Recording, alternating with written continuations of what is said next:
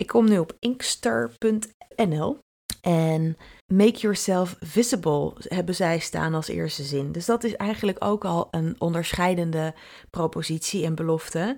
Als je onze tijdelijke tattoos gebruikt, dan maak je jezelf zichtbaar.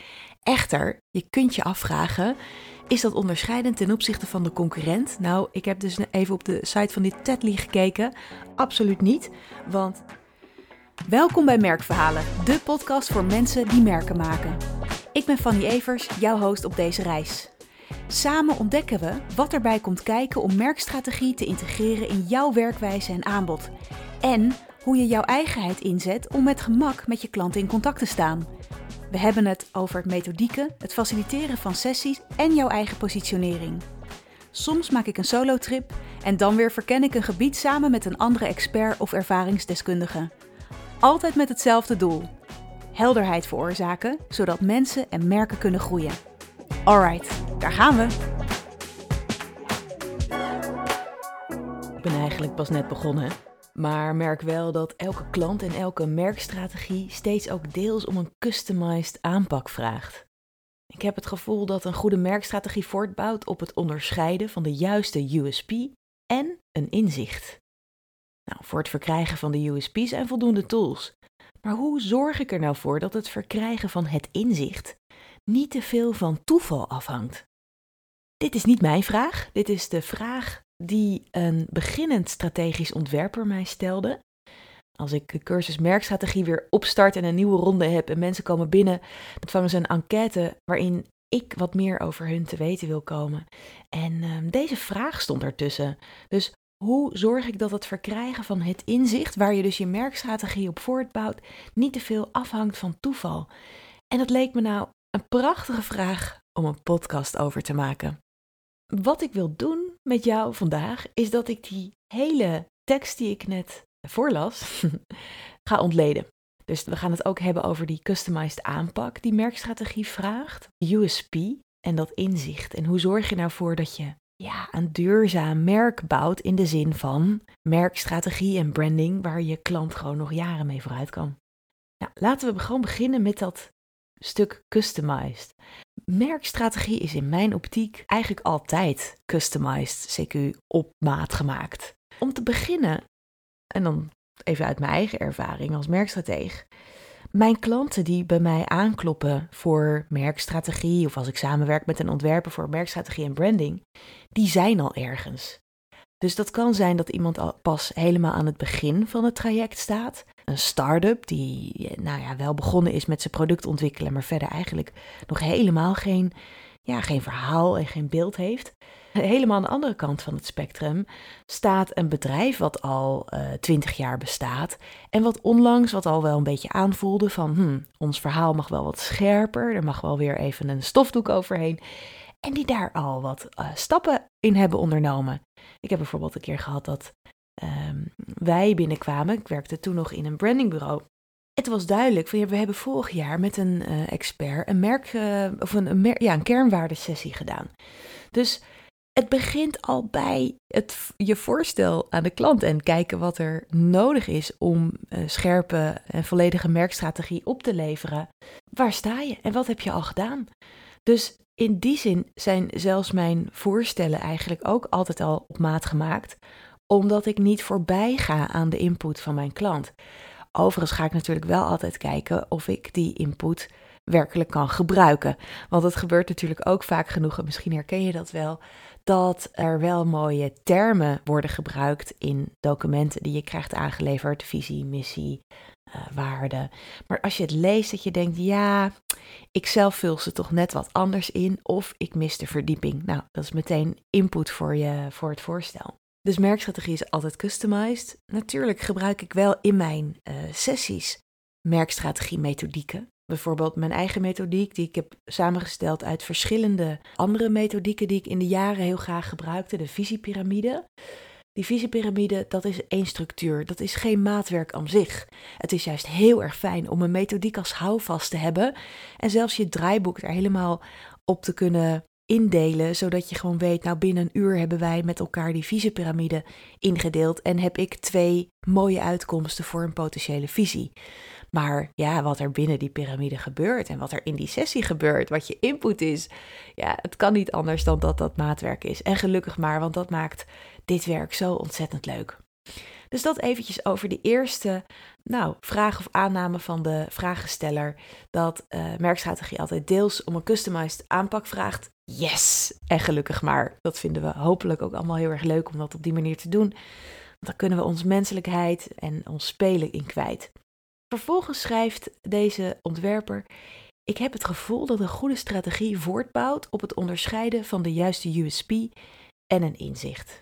Alright, leuk. Dus we gaan kijken naar waar we het eerst tegenaan lopen. Dat is de term de USP, Unique Selling Point, ofwel Unique Selling Proposition. Het verschil tussen die twee woorden, dus point of proposition, is dat een punt is een losse punt in de ruimte. Dat is op zich nog niet zoveel. Toen ik meer communicatie studeerde, oh my goodness, dat is echt lang geleden. Daar begon ik geloof ik in het jaar 2000 mee. Toen leerden we ook Unique Selling Point. Dat zijn dan onderscheidende kenmerken van het merk. Maar daar kan je een hele rits van maken. Een unique selling proposition wordt interessanter. Propositie is sowieso een, een, een, een, woord waarvan je denkt: wat is het nou precies? In deze zin gaat het erover dat het het concurrerende voordeel is van het merk of van de dienst van het product ten opzichte van de concurrentie. Nou, dat zegt het woord concurrerende al. Dus het is echt een belofte die je kan doen, de propositie. Laten we naar voorbeelden kijken, want dat werkt misschien wel het best. Ik kwam toevallig op Tatly.com. Als je zelf eens wil kijken, T-A-T-T-L-Y.com. En dat zijn tijdelijke tatoeages. Nou, daar heb je er veel van. Ik word de laatste tijd ook op Instagram wel redelijk doodgegooid met het feit dat ik aan tijdelijke tatoeages moet beginnen. Nog niet gedaan. Oh ja, dat was het. Inkster zat mij op de gram te spammen. Nou, als ik dan bij, ik ga meteen even uh, gewoon vergelijken. Ik kom nu op inkster.nl en make yourself visible hebben zij staan als eerste zin. Dus dat is eigenlijk ook al een onderscheidende propositie en belofte. Als je onze tijdelijke tattoos gebruikt, dan maak je jezelf zichtbaar. Echter, je kunt je afvragen: is dat onderscheidend ten opzichte van de concurrent? Nou, ik heb dus even op de site van dit Tedly gekeken. Absoluut niet, want de tattoos van Inkster die zijn heel erg klein, fragiel, dunne lijntjes, zwart-wit en eigenlijk daarmee zo subtiel dat ik me afvraag hoe zichtbaar je jezelf er werkelijk mee maakt. Dus in die zin is het een beetje een mismatch. En als ik zo op de site doorscroll even snel, kom ik niet heel snel een andere propositie tegen. Terwijl het wel goed is als je je onderscheidende selling proposition wel direct in de ogen van je klant uh, laat zien. Als we naar Tedly gaan, dan zie ik daar gelijk temporary tattoos, dus dat is hetzelfde product, by real artists. Daar zijn we. Dat is een propositie. Dat is vernieuwend, dat is onderscheidend ten opzichte van de concurrentie en dat is ook echt waarop je een klant kan overhalen om bij jou aan te kloppen. Nu kan Inkster natuurlijk zeggen: ja, maar onze tattoos worden ook door artiesten gemaakt. Dat is natuurlijk ook zo, maar ze hebben het niet geclaimd en dat is een keuze. Als ik naar Tedly ga, dan zie ik artiesten ook in wat afwisseling in stijl. En je kunt bijvoorbeeld daar een hele sleeve bestellen. Dus dat vind ik ook wel heel artiestig. Um, helaas voor ons, op dit moment dat ik de podcast maak, kan je dat nog niet in Nederland kopen. Anders liepen we allemaal met een Tedly sleeve. We moeten naar Zwitserland, maar ze zullen natuurlijk wel de wereld veroveren met deze propositie. Dus ze komen snel genoeg deze kant op, denk ik. Maar je ziet, dat is dus de unique selling proposition. Ik noem nog een ander voorbeeld, omdat ik het leuk vind om wat meer smaak eraan te geven. En dat is de Bees Wrap. Misschien heb je hem wel in huis. Het is een papiertje, althans ze hebben meer producten nu, daar begon het mee. Het is papier, of eigenlijk katoen, gedrenkt in bijenwas en nog een, een olietje geloof ik, waarmee je je boterhammetje of je, eh, je eten kan, uh, kan inpakken. En dat gaat ontzettend lang mee. Anders natuurlijk dan zilverfolie, wrapping plastic of uh, nou, noem, noem op wat allemaal niet milieuvriendelijk is. En hun USP en letterlijk van de site. Make it easy to cut down on plastic and store food sustainably. Dus wij maken het makkelijk om uh, je plastic uh, gebruik naar beneden te halen en om je eten duurzaam te verpakken. Er zijn twee delen zitten daarin. Nou, dit zag ik op de missie-visie pagina van het merk, maar dit is wel de propositie.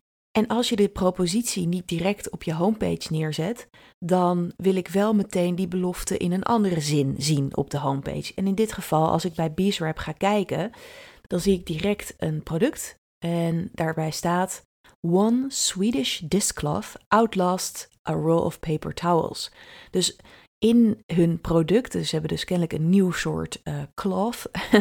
uh, en ze maken meteen hun propositie hier ook weer waard. hey, dit gaat veel en veel langer mee dan jouw rol keukenpapier.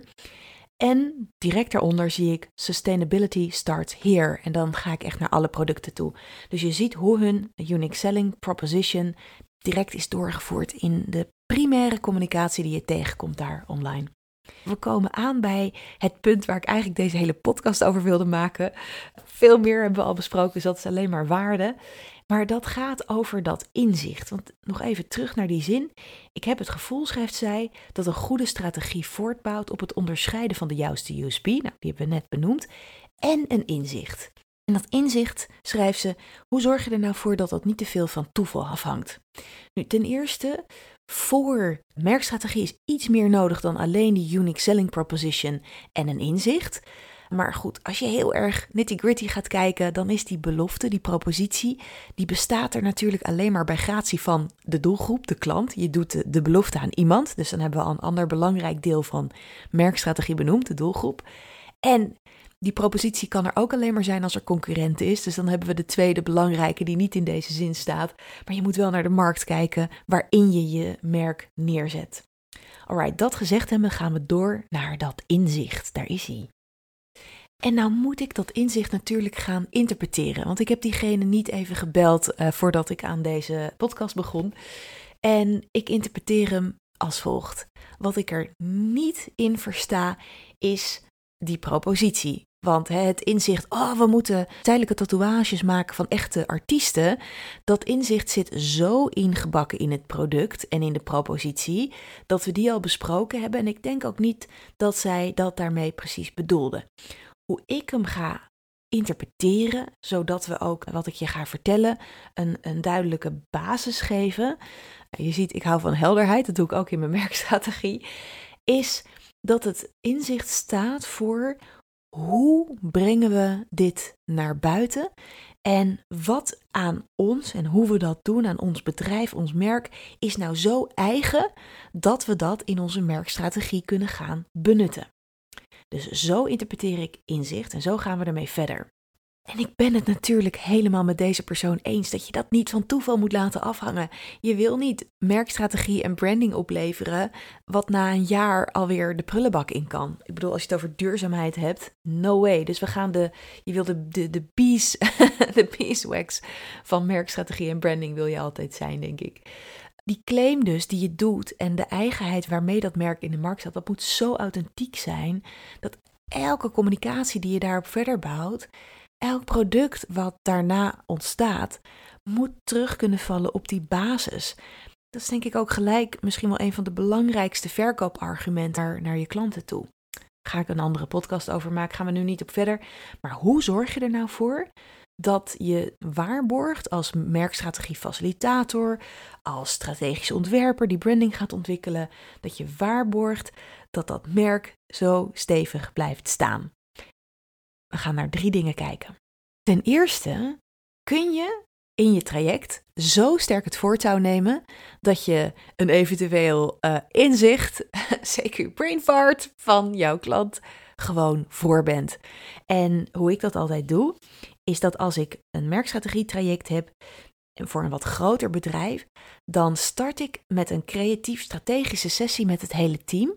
Of als het echt een groot bedrijf is, met een dwarsdoorsnede van het team. En ga dan uit van 10 tot 12 mensen ongeveer. En het enige wat zij moeten voorbereiden is dat ze een object meenemen wat staat voor hun verborgen kracht. Of wat zij zien als de verborgen kracht van de organisatie of specifiek van dienstproduct. Maar meestal, hè, als het over merkstrategie gaat, kijk je op organisatie of merkniveau. Dus dan is dat de vraag. En dan haal je dus op. Mensen komen met verhalen, mensen komen met argumenten, met anekdotes. En de eigenheid wordt zo vanzelf al helemaal zichtbaar in die verhalen. Het kan niet verzonnen zijn, bijna.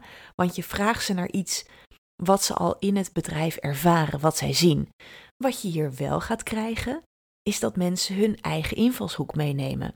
Daarom is het belangrijk om dit met meerdere mensen te doen, zodat je de, nou, de wild geese in de, de, de wilde ganzen in de groep, dat je die eruit pikt. Om een voorbeeld te noemen, ik deed dit een keer bij een IT-organisatie, een IT-specialist, uh, adviseur, hoe noem je dat?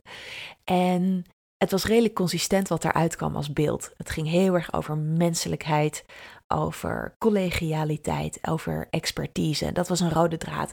En er was één iemand, en het was zo geweldig om dat te zien, die had een klein kammetje mee. Eigenlijk zo'n kammetje waarmee mijn opa zijn haar ook deed. Zo'n zo'n recht plastic kammetje. En voor hem ging het erover. Hij vond dat IT-mensen, mannen vooral, kunnen nogal een imago van nerdyschap hebben. En het maakt me ook niet uit hoe ik eruit zie.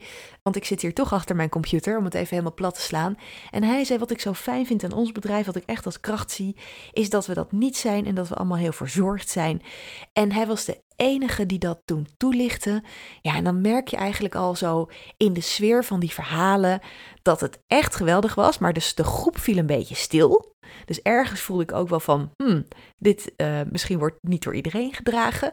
En nou, het is prachtig dat dat zijn verhaal is, maar geen rode draad. Dus op die manier waarborg je ook dat wat je ophaalt in zo'n sessie, dat dat wel, nou ja, echt voor de hele organisatie geldt en niet voor de wild keys, wat verder prima is voor hem. Doe je een één op één traject, dan heb je natuurlijk niet tien mensen om je heen waarbij je een soort rode draad destilleert van eigenheid en kracht van een bedrijf. Wat je dan doet, is dat je gaat vragen naar meerdere verhalen van die ondernemer. En het gave van een ondernemer is dat meestal diegene iets aan het doen is, wat al in zijn haar diens jeugd heel prominent aanwezig was in een natuurlijk kinderlijke en misschien meer speelse vorm. Dus het gave is, en zou ik altijd doen, vraag door op die jeugd. En misschien meteen een mooie oefening voor jezelf, als je dat nog niet eerder hebt gedaan. Wat is nou uit jouw eigen jeugdjaren, jouw kindertijd, hetgeen waar je nu op terugkijkt en dat je denkt, ja, ik had daar toen al zoveel lol in. Daar ja, was ik gewoon helemaal in mijn element. En dat deed niet elk ander kindje. En voor mij was het bijvoorbeeld, waren twee dingen waar ik dan aan denk. Is dat ik het heel tof vond om uit, vanuit verschillende elementen iets nieuws te maken. Nou, dat doe ik natuurlijk ook als merkstratege. Ik kom heel veel elementen ophalen, maar vervolgens geef ik iets heel helder terug, een verhaal. En dat had ik toen ook, ook meer in fysieke vorm, dus daar komt meer dat spelen vandaan. Zo maakte ik bijvoorbeeld uit een melkpak een machine waarbij je aan de eh, bovenkant een muntje erin deed. En via een ingenieus systeem kwam daar dan onderaan, moest je met een touwtje een luikje openen, kwam daar een snoepje uit. Weet je, dat vond ik heel tof om te doen. Dus echt, zie je het creëren ook echt in. En in groep 8 heb ik met een vriendinnetje een tijdschrift gemaakt. Dat is wel een verhaal wat je vaker hoort, maar er is maar één tijdschriftmaker meestal in de klas. Nou, in dit geval was ik dat. Dus een product ontwikkelen waar anderen iets aan hebben en daar ook geld voor vragen, want we verkochten dat op het schoolplein voor 10 cent. Ik weet nog dat ik hem aan Inse verkocht. Daar was ik heel erg trots op. Er zat toen dus al een maker in mij, iemand die heel graag iets doet voor de ander, maar er zelf ook lol aan beleeft aan het maken. Um, en daar ook, nou ja, ik ben ondernemer geworden, dus het komt allemaal terug. Dat zijn geweldige verhalen. Nog een klein zijspoor. Ik wil je, ik wil je zoveel geven, ik ga het gewoon doen. Wil je nou van die één op één verhalen graven, wil je daar meer mee doen? Dan uh, raad ik je echt aan om het boek Find Your Why van Simon Sinek te kopen. Zijn hele methodiek om je why te achterhalen, pluist die daarin helemaal uit. Wordt je gegeven. Het is een dagsessie, een why discovery. Ik faciliteer ze ook nog heel af en toe.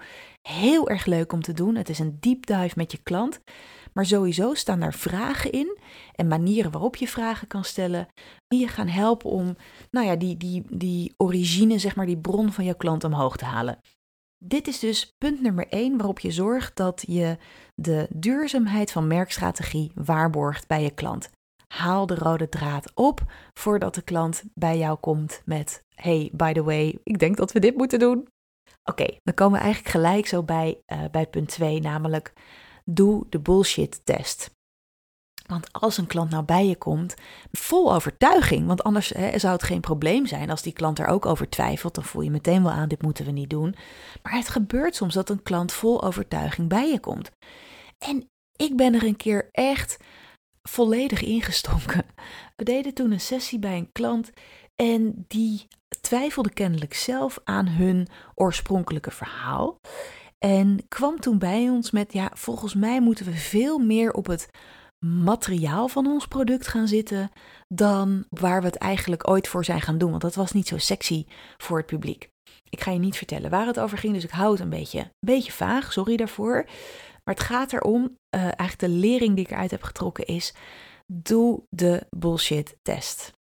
En hoe je dat kan doen, is om ter plekke drie anekdotes te vragen. Dus het gaat altijd wel weer om verhalen natuurlijk, die uh, een bepaald argument onderbouwen.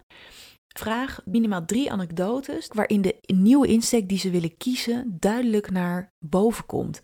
Dus om een voorbeeld te geven, en ik kom zo wel terug bij wat er gebeurde bij die ene klant waar we, waar we echt uh, ja, helemaal onderuit gingen en de mist in gingen. Stel dat een klant opeens bij jou komt met, ja, ik weet het. Onze unieke insteek voor deze dienst is dat we dit echt als een rebel moeten, moeten aanpakken. Diegene heeft toevallig een enorm groot uh, billboard van Oatly gezien en, en vond dat leuk. En komt opeens binnen met dat moeten we ook zo doen. Zo, zo leuk en zo rebels. Ja, wij, wij zijn eigenlijk wel echt een rebel. Um, dat moet duidelijk worden. Dus neem je dat mee. En dan voel jij misschien al aan van, hmm, heb ik in onze kennismaking, en misschien heb je al sessie gehad, heb ik nou echt het rebelse gevoeld? Ik weet het niet. Dus Natuurlijk sta je open voor de suggestie, want misschien heeft jouw klant helemaal gelijk. Dus je kan reageren bijvoorbeeld met, nou, wat leuk, dat klinkt hartstikke spannend. En kun je mij nou eens meenemen naar jullie meest recente rebelse actie? Vertel eens hoe dat eruit zag. Nou, misschien blijft het dan al stil, nou, dan, kun je allebei wel verder. um, nou, als er wel een verhaal komt, dan kun je nog vragen, hoe is dat idee toen ontstaan? Hoe ontstond het dat jullie opeens met de helft van het team de grote markt op gingen om ehm, te protesteren. Ik noem maar even wat. Wie van de organisatie waren betrokken hierbij? Dus want je wil ook toetsen of een rebelse insteek echt gedragen kan worden door de organisatie. Uh, dus, dus vragen van wie, wie, bij wie was, het, eh, wie was er betrokken, wie waren erbij? En ook een goede vraag is, hoe merken jullie klanten op dit moment en in het verleden dat jullie zo rebels zijn? Want het kan ook heel erg een intern ding zijn. Maar als iemand voor een rebelse insteek uh, kiest, dan, dan zou je, als ik nu een klant zou uh, bellen, dan zou die mij ook gewoon drie verhalen moeten kunnen vertellen waarom dat bedrijf zo rebels is. Dus vraag anekdotes. En ja, ik had je beloofd, ik wil door naar het volgende punt, maar ik had je beloofd om te vertellen wat er bij die klant gebeurde, waarbij wij, nou, eigenlijk werden verleid, zeg maar, ons lieten verleiden om die andere insteek te nemen. Wat er gebeurde, was dat wij dachten, ja, er zit misschien wel een punt in. Laten we kijken of dat werkt. En we zijn dat helemaal gaan uitwerken na die sessie. Dus we zijn erin gestonken. En soms moet je ook een pad wat verder bewandelen. En dan doe je wel even je bullshit test, een beetje, maar eigenlijk een beetje slappie. en ga je het gewoon uitwerken. En het mooie was, kijk, we hebben dat uitgewerkt, we hebben daar, daar toen tijd in gestoken. We komen daarmee terug naar de klant, want je koppelt natuurlijk altijd en liefst zo snel mogelijk terug wat je hebt opgehaald om te staven of je op het goede pad zit. En het begon toen te wringen bij die klant. Die krabbelde terug, die kwam erop terug. En mijn ego heeft toen natuurlijk even pijn gedaan. En mijn timekeeper ook, want dan moet je opnieuw beginnen. Of je moet terug naar een punt waar je eigenlijk de afslag had moeten nemen. Maar man, was ik blij dat we erachter kwamen. En dat die klant eigenlijk zo um, zijn eigen stevigheid ook weer hervond. Dus er zit altijd waarde in onderuit gaan. En ja, dan moet je even je verlies uh, nemen, je wonden likken. Nou, deze lering meetrekken, want ik ben sindsdien wel echt scherper, denk ik, erop geworden. En uiteindelijk lever je gewoon iets veel stevigers aan bij de klant. Dus dat hebben we in die zin ook gedaan. Ze konden gewoon weer terug naar hun origin story. En daarmee werd het merk alleen maar sterker. Eind goed, al goed. Laat ik je nu meenemen naar derde punt waarop je waarborgt dat als je klant opeens met een inzicht komt van, oh, dit moeten we doen, dit is heel erg eigen voor ons, dat je waarborgt dat dat ook echt waar kan worden gemaakt door je klant en door dienstbedrijf. En deels heb ik dit net verteld in de individuele vorm. Dus als je met één op één met een ondernemer zit, dan zei ik al, ga terug naar de kinderjaren. Punt drie is, dan kijk ik nu even naar wat grotere bedrijven, ga terug naar de oorsprong. Want zo'n groot inzicht, zo'n bepalende eigenschap, die verzin je eigenlijk niet zomaar. Authenticiteit kun je niet verzinnen. En merken die dat wel doen en die dat heel graag willen, die vallen nogal snel door de mand. Want het is als vormgever, dat weet je ook als ontwerper natuurlijk ook gewoon verschrikkelijk moeilijk om daar met je hart iets voor te maken. Dus nou, misschien is dat wel het belangrijkste punt, is dat je echt heel dicht bij je eigen gevoel blijft. Blijft dit kloppen? Is het congruent met wat ik hier als facilitator en in contact met mijn klant tegenkom? Ik heb altijd in mijn uh, strategietrajecten interviews met de doelgroep. Ja, daar moet je het ook in terugvoelen, zeg maar. Met, ik spreek dan klanten, dus dat zijn mensen die met dit product hebben uh, gewerkt. Soms is het gewerkt, ik denk weer aan die IT'er. Maar soms natuurlijk ook het product hebben gebruikt of de ondernemer kennen. Je moet het teruggekoppeld zien. Oké, dat was 3a. Dan gaan we nog eventjes naar 3b. Ga terug naar de oorsprong. Want dat authentieke inzicht, dat, of die eigenschap, dat verzin je nogmaals niet. Dat is er al bij de geboorte van het merk. En nou moet ik denken aan een klant van mij. Daar begon ik geloof ik twee jaar geleden bij. En dat was zo'n echte rebel.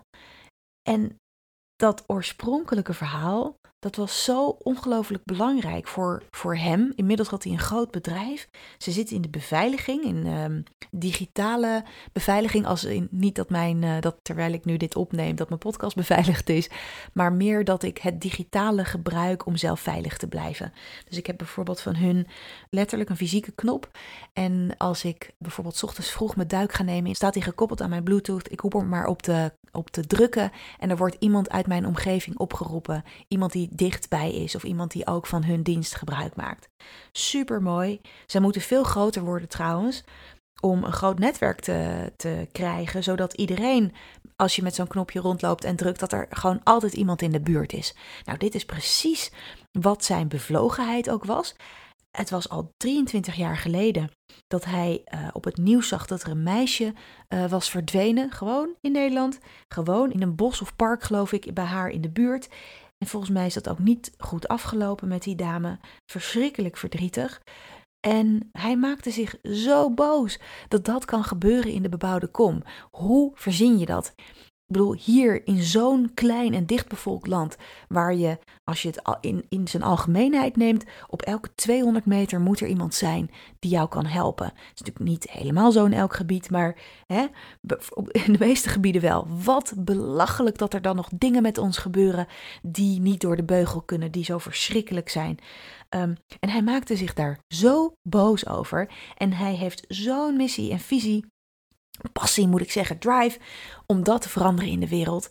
Dat ja, dan ben je een echte rebel. Dan wil je iets veranderen. Dan wil je ook een bepaald nalatenschap. En ik voelde hoe authentiek dat voor hem is. Dus dan weet ik, daar kunnen we dan wel wat mee doen in dat merk. In dit geval overigens, en daar zat wel weer een beetje de, nou niet zozeer bullshit test, maar um, is het realistisch dat het hele bedrijf dit gaat doen? En dan we gaan het later vast nog eens over archetypes hebben. Zeker weten gaan we het erover hebben, want dat is zo'n sterke manier om je klant te helpen, om een merk te leven. Maar specifiek bij het rebelse archetype is het belangrijk dat het team dat ook kan waarmaken. Dat hoeft niet iedereen in het team te zijn, maar wel degene die naar buiten trekken. Dus ofwel je gaat dan kijken van kun je dat rebelse nou ja, heeft iedereen dat in zich of wat betekent het voor jou? En in dit geval, en ik moet het zeggen, ik weet nog niet wat eruit komt, want de branding wordt nog vormgegeven, kan je het ook iets meer naar het heldenschap uh, toetrekken. Dus dat hebben we in dit geval gedaan bij dit merk. Want de heldhaftigheid zeg maar, van degene die helpt. het gaat dan niet meer over de, mijn opdrachtgever en zijn rebellie. Het gaat erover dat degene die helpt. Nou, anyway, ik, ik, ik drijf een beetje af. Ik, soms heb ik dat. is ook wel lekker, want er zit overal zoveel waarde in. En ik moet zeggen, dit is een van de eerste podcasts die ik opneem. Dus hey, het zijn me vergeven dat ik af en toe een beetje afdwaal. En uh, we zullen later merken of ik dat veel vaker ga doen in deze podcastserie. Of dat dit gewoon een beginnersdingetje is. en dat is alweer afdrijven aan zich. Alright, dus ga terug naar de oorsprong. En 3a, waar we het net over hadden, blijf dus heel erg dicht bij je eigen onderbuikgevoel. Um, als dat niet helemaal lukt tijdens de sessie, vergeef jezelf, maar doe dat dan na de sessie. Is het congruent met hoe ik in contact sta met deze club? Tot slot, voor we deze podcast gaan afronden. Wat soms spannend is, is om te vragen: hoe voelt het tot nu toe? Wat, hebben we, wat we hebben opgehaald, wat doet dat met je? Hoe landt het? Word je er enthousiast van? Het liefst wil je natuurlijk open vragen stellen. Hoe voelt het tot nu toe? Het is een spannende vraag, want je kan ook horen, nou ik weet het nog niet zo goed, of nou ik twijfel, of uh, ik vind het spannend. En dat kan, uh, nou als facilitator kan dat natuurlijk ook gewoon voor jou dan spannend worden. Maar stel hem toch, want ik merk dat als ik raak zit, en het is allemaal ten dienste van die consistentie en die duurzaamheid van dat merk, en wat jij, de branding of de merkstrategie die je ontwikkelt, um, het gaat over het waarborgen daarvan. Ik merk als ik die vraag stel, en als ik raak zit in mijn traject, als ik raak zit met wat ik terugkoppel, met de zinnen die ik schrijf, met nou ja, wat ik oplever, is dat mijn klant steeds meer en meer energie krijgt. Sterker nog, ze komen er zelf op terug hoe goed ze het vinden gaan, wat een opluchting ze dit geeft dat ze dit aan het doen zijn, hoe fijn het is dat ze dingetjes al hebben toegepast, nog zonder dat ik ook maar iets heb opgeleverd. Dus stel de vraag: hoe voelt het tot nu toe? Wat verandert het al in, in je dagelijkse werk? Wat wordt jullie als team steeds duidelijker? Stel die vraag echt, want je haalt sowieso verbeterpunten op als je er nog niet bent, maar je hebt ook een barometer voor jezelf dat je goed zit. Als jouw klant meer en meer energie krijgt gedurende jullie traject, dan weet je echt, dat is gewoon weer een parameter, zeg maar, voor het waarborgen van de duurzaamheid, van de strategie, branding, de marketing, de teksten, wat je ook maar gaat opleveren. Oké, als je vragen hebt over dit onderwerp, Stel ze aan me, want hey, we're on a roll met deze podcast en ik kom heel graag terug op jouw vragen. Je mag ze naar me mailen. Kijk gewoon even op fannyevers.nl of volg me onder die naam Fanny Evers ook op Instagram. Zoek me op op LinkedIn. Zoek het kanaal wat voor jou fijn is. Je weet me vast te vinden. En dan uh, ontmoet ik je heel graag weer in de volgende aflevering. Dankjewel.